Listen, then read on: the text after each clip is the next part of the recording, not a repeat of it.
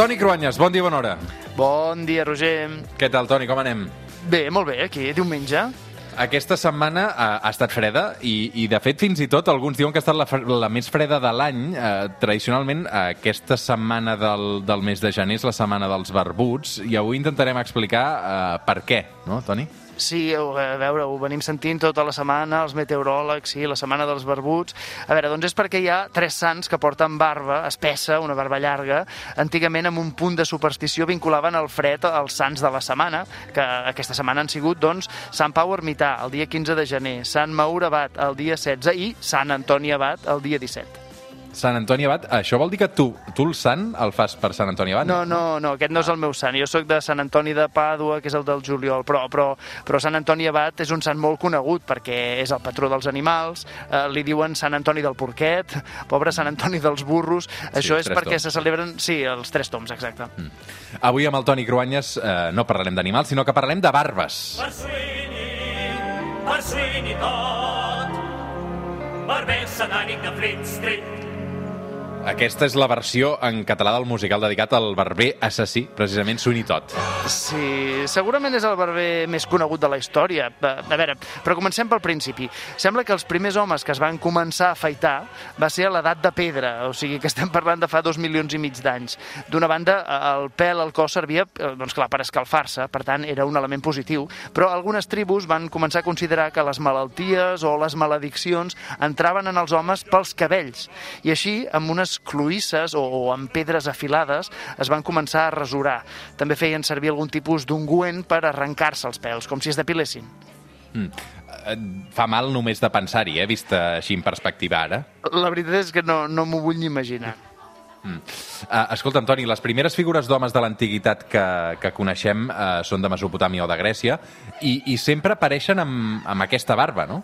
Eh, Per la gran majoria de civilitzacions antigues, les barbes llargues i ben cuidades eren un símbol d'estatus superior, de, de respectabilitat. Fins i tot les arrissaven, les pentinaven o se les decoraven amb fils d'or o amb ornamentacions ostentoses. La, les estàtues i les inscripcions antigues mostren homes amb, amb grans barbes. Fins i tot els egipcis, ells, per motius entre religiosos i higiènics, es rasuraven tot el cos, també els cabells del cap. Recordem les imatges que ens han arribat dels, dels faraons, però per ells la barba continuava sent un motiu d'autoritat i per això es feien unes barbetes postisses, fines, allargades, que, que es lligaven a la barbeta amb, amb, amb, per les grans ocasions. També ho feien les faraones, les dones, imitaven la imatge del déu Osiris, amb barba. Els grecs també portaven barba, però uh, els romans ja no. Per què? Entremig hi va haver Alexandre el Gran, que va manar als seus soldats que es tallessin la barba quan anaven a la guerra perquè creia que amb la barba els enemics els podien agafar i fer-los mal, per tant, fora barbes. Després, ja a Roma, segurament la població va imitar els seus primers líders, com Juli Cèsar, que no portaven barba. De fet, va ser cap al segle III abans de Crist que va aparèixer la figura de, del barber, del primer barber o perruquer. Era una persona de molta confiança, del general o del cònsul, perquè, clar, es deixava afaitar ja amb ganivet bicicletes. Això vol, volia dir que hi havia perill per la seva seguretat, el que, el que comportava que algú et passés aquí pel coll la ganiveta, no? Mm -hmm. Escolta'm, eh, els romans, per tant, entenc que són els culpables que avui dia fem servir aquestes maquinetes d'afaitar. Ha- Han passat molts segles des dels romans fins que es va poder generalitzar les maquinetes d'afaitar, sempre amb l'inconvenient de fer mal o, o d'infectar-se. Mira com s'anunciaven als anys 60 unes fulles d'afaitar amb veu de l'humorista Gila. És un anunci aquest, obra del publicista Lluís Bassat. ¿Jura usted decir la verdad, toda la verdad y nada más que la verdad? Sí, señor, se lo juro por mi padre, me afeito todos los días. Con la venia. Ni con la venia ni con la Eugenia, con Filomatic. Porque es de suave, da un gustirrinín. Afeítese con Filomatic. Es tan suave. Y da un gustirrinín. Déu-n'hi-do. Uh, Da escolta'm, un Toni- gustirrinín, ja ho sí, sentit. Sí, Eh, Tu, uh, tu portes barba i, a més, diria que a, a mesura que t'has anat fent gran ha estat més frondosa, no? Sí. Vull dir que això està estudiat, també. Tu has estudiat, tu. No sé si és una Home. qüestió de mandra a mesura que has tingut fills que t'has afaitat menys, que a la tele t'han dit, Toni, uh, això ho hem de deixar amb barba, què? Uh, sí, sí, la tele m'han dit, Toni, ho hem de deixar en barba, que fas més patxoca. Ah, sí?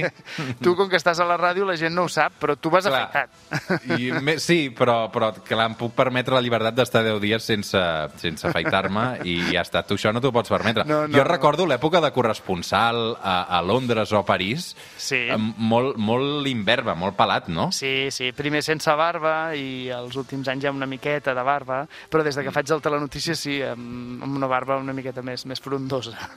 Mm.